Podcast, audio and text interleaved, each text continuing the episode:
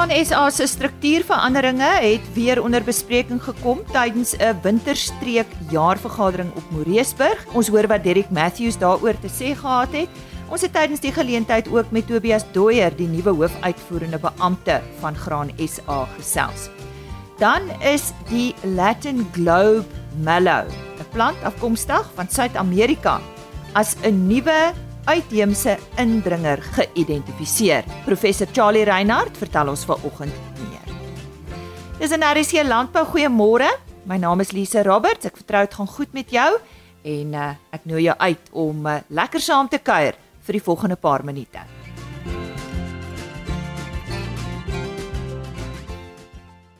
Sedert ons laas met uh, professor Charlie Reinhardt oor onkruide in Suid-Afrika gesels het, het nog een sy kop uitgesteek en dis waaroor ons vandag met hom gesels. Nou Charlie, jy sê vir my dit neem Weiveld of Weiding in Noordwes en Noord-Kaap oor. Waar het julle daarvan gehoor? Ja. Sy wetenskaplike naam is Sphaeralsia bonarensis. Nou bonarensis behoort klaar vir jou te sê kom van Suid-Amerika af. Ander een waaroor ons al baie gesels het wat die onderwerp van my navorsing was, klein skraalhans, se wetenskaplike naam is Cuneiza bonarensis, kom ook van Suid-Amerika af. Nou wil ek sommer die staanspoor sê, want ons gaan praat oor indringing en risiko's van indringing. Hierdie Cuneiza bonarensis is oor die 100 jaar al by ons en dit is Suid-Afrika se mees algemene onkruid. Dit is 'n eenjarige onkruid dit help. Dit daarom nou nie 'n boom is nie, maar hy kom letterlik van Kaap tot Kaïro voor. Jy sal hom in jou tuin hê. Jy sal hom in jou strate hê. Jy gaan hom op jou lande hê. Dis nou klein skraalhans. Lank met ons en natuurlik het dit dekades geneem vir hom om hierdie omvang van verspreiding aan te neem wat hy tans het. En nou het ons met nog 'n bonarensis, maar hierdie keer is dit 'n struik. Nou hoe lank hy gaan vat om moeilikheid van daai aard te maak, sal ons nou nie weet nie, maar en hy's ook al dekades met ons. Hy's opgeteken in 'n uh, lys van probleemplante, indringerplante in Suid-Afrika wat in 1986 gepubliseer is. Maar hoekom sê julle dan hy's 'n nuwe indringer? Ja, nie in terme van hy spring nie in die oog. Hy raak nou baie opvallend. Uh, kollega professor Stefan Siebert wil hom ook sommer bedank. Hy het die identifikasie vir ons gedoen. En hy sê hulle kom hom algemeen te in Noordwes provinsie. So is in die herbarium van Noordwes Universiteit. Eerste eksemplaar jaar 2000. Uh maar nou raak hy baie opvallend. Maar hy het 'n Engelse naam ook en jy het vir hom sommer 'n Afrikaanse naam gegee. Ja. Wel dalk ek is bang hulle noem hom die Charlie Malfa. so ek wil 'n ander naam voorstel. Ehm um, sy Engelse algemene naam is Latin Globe Mallow. Nou die Latyn verstaan ons, sy oorsprong is die Latyns-Amerikaanse lande. In die tweede deel van die naam, die Globe Mallow, die globe verwys na die gloeilampie vorm van die blom voor hy oopgaan. Mallow is Malva. Nou waar ek nou kom aan die Salm Malva is die kleur van die blom. Is 'n Salm pink. Kom ons praat 'n bietjie oor die verspreiding. Ons het nou gesê in Noordwes op hierdie stadium en ja. Noord-Kaap, is dit reg? En dan uh Noord-Kaap, ja. En hy neig na die Vrystate, Leeudoringstad. Nog iemand om te bedank van Leeudoringstad is Boer Hansie Viljoen wat my in November foto's gestuur het van hierdie plant en dit is die eerste keer wat ek die plant gesien het. En op pad eendag Prieska toe ry ek by Christiana verby op die N12 en daar spring die plant in my oog net so 5 km voor Christiana. Digte stand van hierdie plant en toe weet ek dis die plant van Leeudoringstad. Waar die boer sê hy dring sy veiding ernstig in. Ja, wat hoor, wat is die impak? Die impak tipies van uitheemse indringers is dat hulle nommer 1 ons natuurlike biodiversiteit ontwrig. Onthou wat doen 'n indringer plant? Hy dring natuurlike plante groei in en onderdruk die natuurlike plante groei. Nou moet jy onthou daar's 'n voedselketting hier ter sprake.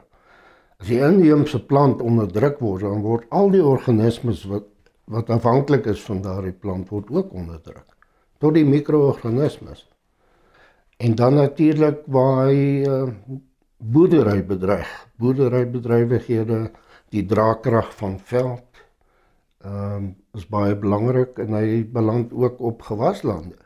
Hierdie een spesifiek alhoewel hy 'n struik is. Hulle noem hom ook 'n sipstruik wanneer hy meer soos 'n kruitagtige plant lyk.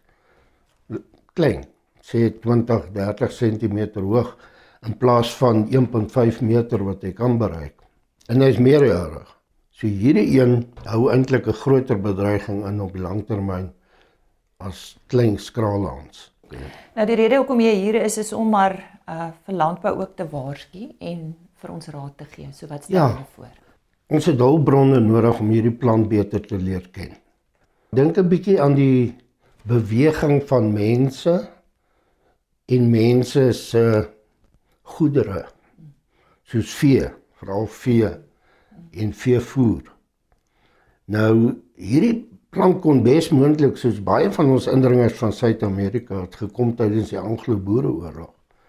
Toe die Engelse magte perde ingevoer het van Suid-Amerika. En saam met die perde het natuurlik gekom hulle voer, hulle mis en ons het baie kakiebos. Dit is een van daai, die goeie ou kosmos wat 'n indringer is, maar 'n baie vriendelike indringer is. Hy's nie baie aggressief nie. En dan uh, baie boomsoorte het ons ook van Suid-Amerika gekry. En hierdie een was dalk deel daarvan. En dit maar net hy wag sy tyd af. Onthou verspreiding vind plaas deur saad. En daai saad moet eers 'n kritiese massa opbou. 'n Indringerplant kom in hierdie nuwe omgewing. Hy uh het te doen met die natuurlike plante groei van daai omgewing. So hulle kompeteer met hom en hy kan stadig posvat. En dit kan hierdie stadig kan jare wees, dekades self. En hier is die belangrike ding van genaturaliseer raak. Eh, wanneer is 'n plant genaturaliseer? Wanneer is hy deel van jou natuurlike plante groei? Onlosmaaklik. Wanneer hy selfonderhoudend raak. Hy kan vir homself sorg. Hy het nie meer hulp nodig van oorbeweiding vloede, veldbrande wat die natuurlike plante groei onderdruk nie. Hy sorg nou vir ons. Ons moet daadwerklik optree en ons moenie vir die staat wag nie want daar gaan niks gebeur nie. So hopelik vanuit die boerdery omgewing kan daar ondersteuning kom. Byvoorbeeld 'n navorsingsprojek hulpbronne te kry om hierdie plant beter te leer ken, sy verspreiding beter te verstaan. Uh, ons weet maar net van toevallige voorkomste op hierdie stadium. So ek sou waardeer as mense my kan nou weet waar hom op. So sê professor Charlie Reinhardt, hy is 'n onkruidwetenskaplike en verbonde aan die universiteite van Noordwes en Pretoria. Indien ek vir jou 'n foto kan aanstuur van die Latin Globe Mallow, stuur asseblief 'n e-pos na rsglandbou@plaasmedia.co.za. Ek gaan aan die einde van die program weer hierdie e-pos herhaal. Soos genoem, berig ons ook ver oggend oor Graan SA sake. Tobias Doyer is maar onlangs aangewys as Graan SA se nuwe hoofuitvoerende beampte. Ons het tydens Graan SA se Winterstreek 26 algemene jaarvergadering met hom gesels. Dit is by Oeverberg Agri op Moreesburg aangebied. Ons gesels ook 'n bietjie later met die voorsitter van Graan SA, Derrick Matthews. Tobias Doyer was aan die begin van sy loopbaan by die landbou betrokke. Eers landbou-ekonomie gegee by Tukkies en daarna was hy van 2003 tot 2007 vir 4 jaar hoofuitvoerende beampte van die Landboubesigheidskamer of Agbiz. Ons het hom gevra wat hy daarna gedoen het. So ek was eers by die Landboubesigheidskamer of Agbus soos wat dit nou bekend is.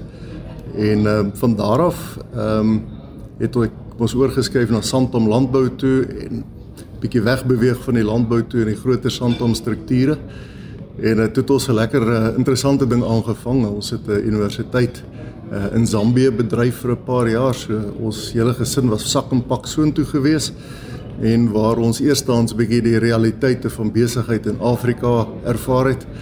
Ehm um, dit was um, interessant en toe ons daar uh, uitgeklim het, was ek terug Suid-Afrika toe en ons het in Sanlam uh, het ek die Suider en Oos-Afrika lande behartig uh, vir hele ruk lank. Uh, totdat uh, Derek my genader het en uh, die aanloklikheid om weer terug in Suid-Afrika, terug in die landbou te wees, uh, het natuurlik 'n uh, groot rol gespeel om weer uh, by Graan Suid-Afrika in te spring.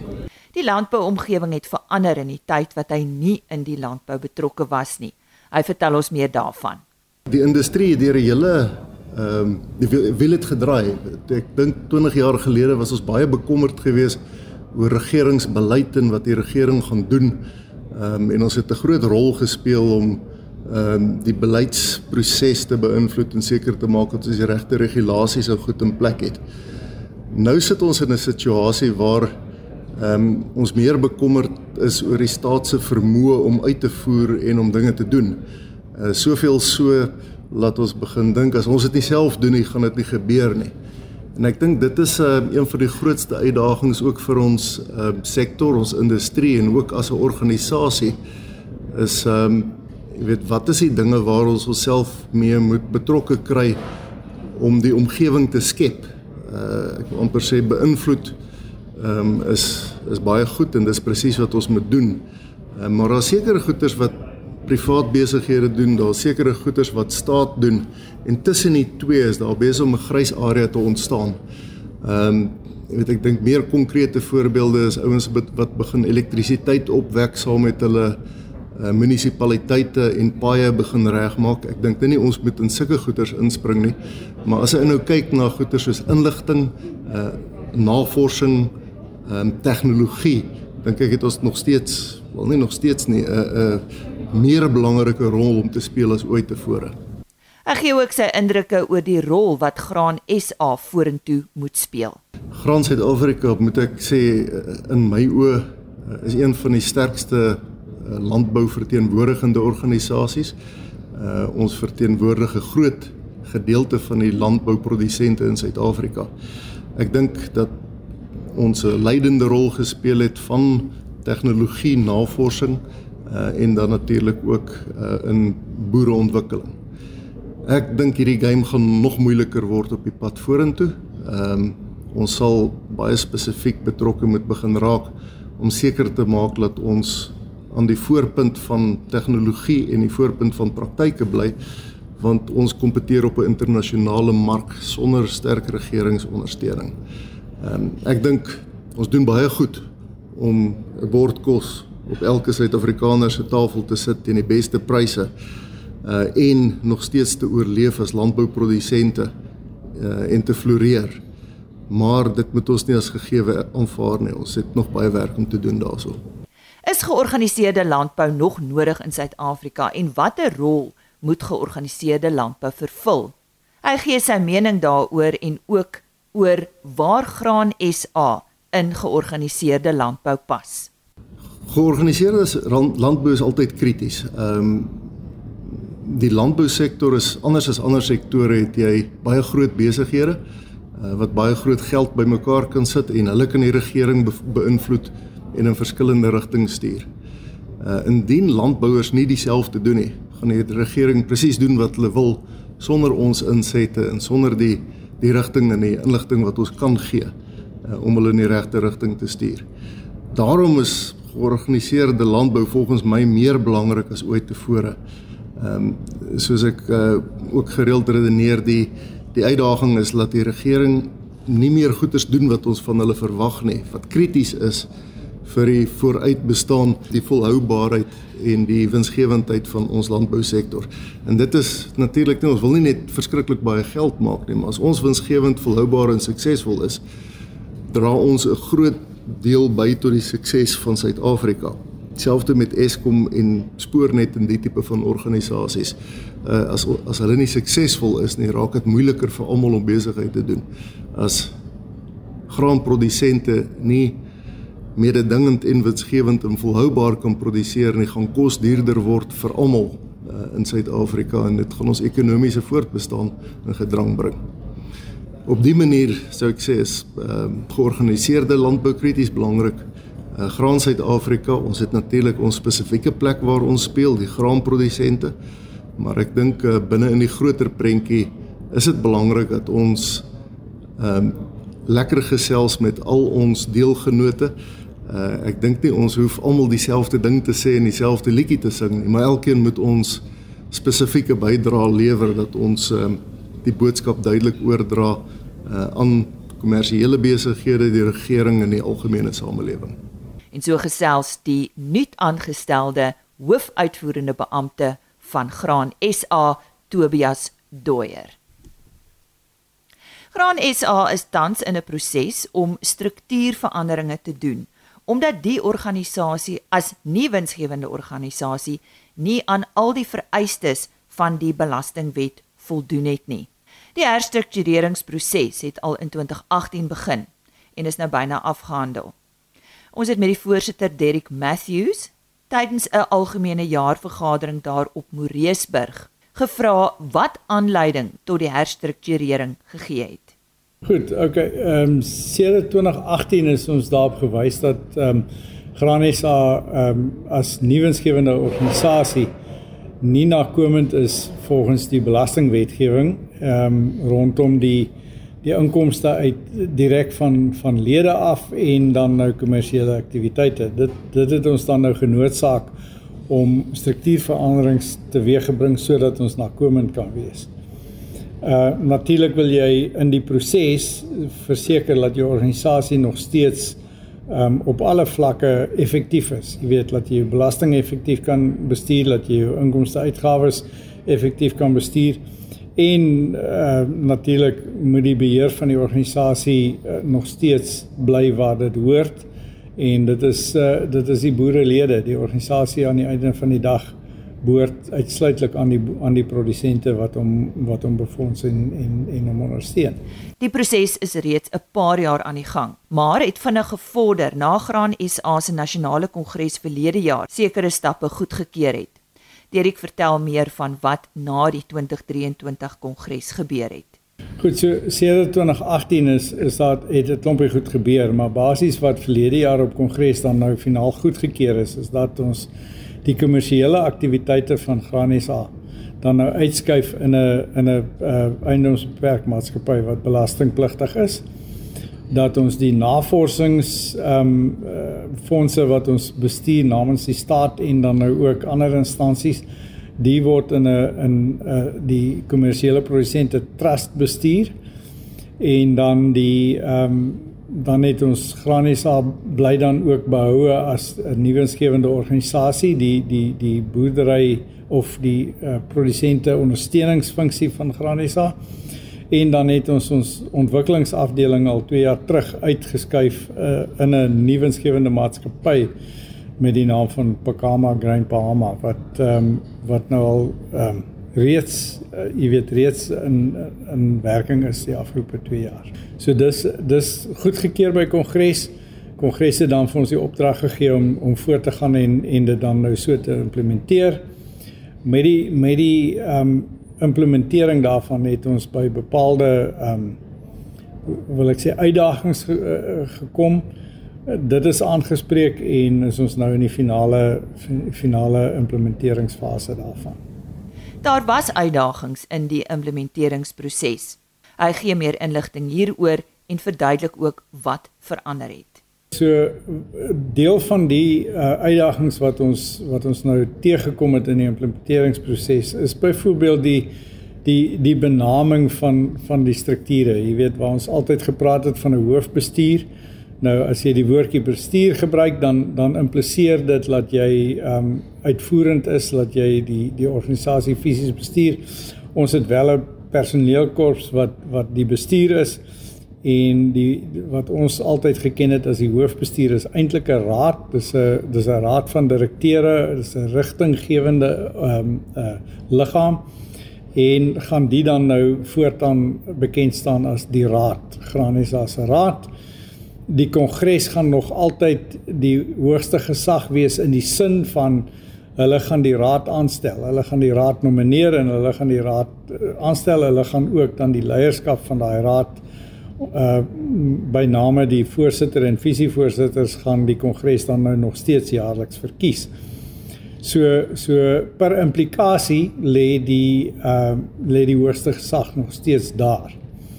Maar wanneer dit by praktiese ehm um, verantwoordelikheid of die aanvaarding van verantwoordelikheid vir gebeure binne die organisasie kom, dan dan moet dan moet daar ehm um, verantwoordelikheid toegeëien word aan persone. Nou dis dis onlogies om te dink jy gaan aan 360 mense verantwoordelikheid toeëien vir die vir die werksamehede van 'n organisasie waar hulle net eenmal 'n een jaar uh, aan blootstelling het. So so die raad soos wat hy in die toekoms uh dan nou ehm um, bekend sal staan gaan dan jaarliks by die kongres sy mandaat dan dan kry en hy gaan dan nou ehm um, as te ware die verantwoordelike uh gesag van die van die organisasie wees en uh so is die bevoegdhede dan nou gedelegeer tussen die kongres be delegeer bevoegdhede aan die raad die raad delegeer bevoegdhede aan die ehm um, uitvoerende komitee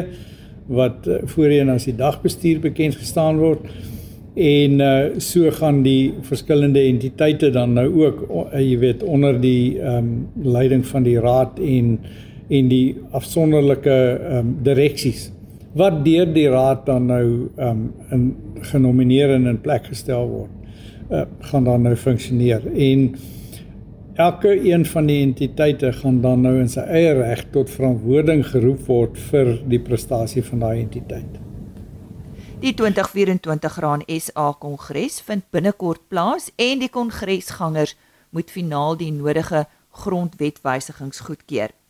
Derek verduidelik wat nou nog goedgekeur moet word en ook wat werklik in die proses verander het. So wat nou op kongres gaan gebeur is dat um, die nodige ehm um, grondwetwysigings byvoorbeeld 'n by eenvoudige voorbeeld is die name ehm um, dan ook die delegasie van bevoegdhede al daardie al daardie nodige ehm um, dokumente. Elkeen van die entiteite het oprigtingsdokumente die is reeds deur die ehm um, die uh, wat ons nou bekend staan as die hoofbestuur maar wat dan nou die raad sal wees die is reeds deur die raad goedgekeur dis vir aanbeveling by kongres so kongres gaan nou finaal die nodige grondwetwysigings goedkeur wat ehm um, wat die praktiese implementering van die nuwe struktuur dan nou um, in werking stel.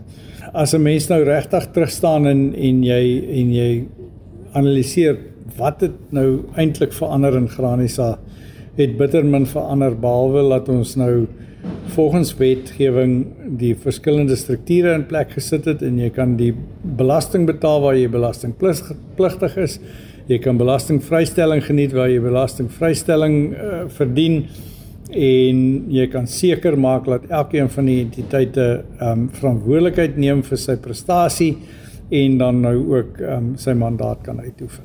Die voorsitter van Graan SA, Derrick Matthews. Ons het ook tydens hierdie geleentheid met Corneil Lou, senior ekonom van Graan SA oor die canola bedryf gesels en dit sal maandagooggend in RSG landbou uitgesaai word. En dan net weer my uh, e-posadres indien jy belangstel om eh, 'n uh, foto van die Latin Globe Mallow te ontvang, stuur gerus na rsglandbou@plaasmedia.co.za. Ek herhaal vir die laaste keer rsglandbou@plaasmedia.co.za. Ek praat weer môre met jou en dan onder meer met die Landbou Navorsingsraad. Vrydag word Wêreld Vlei Land Dag gevier. Dit is 'n jaarlikse geleentheid en ons hoor wat is die belang daarvan ook in Suid-Afrika. Totsiens. RSG Landbou is 'n plaas media produksie met regisseur en aanbieder Lisa Roberts.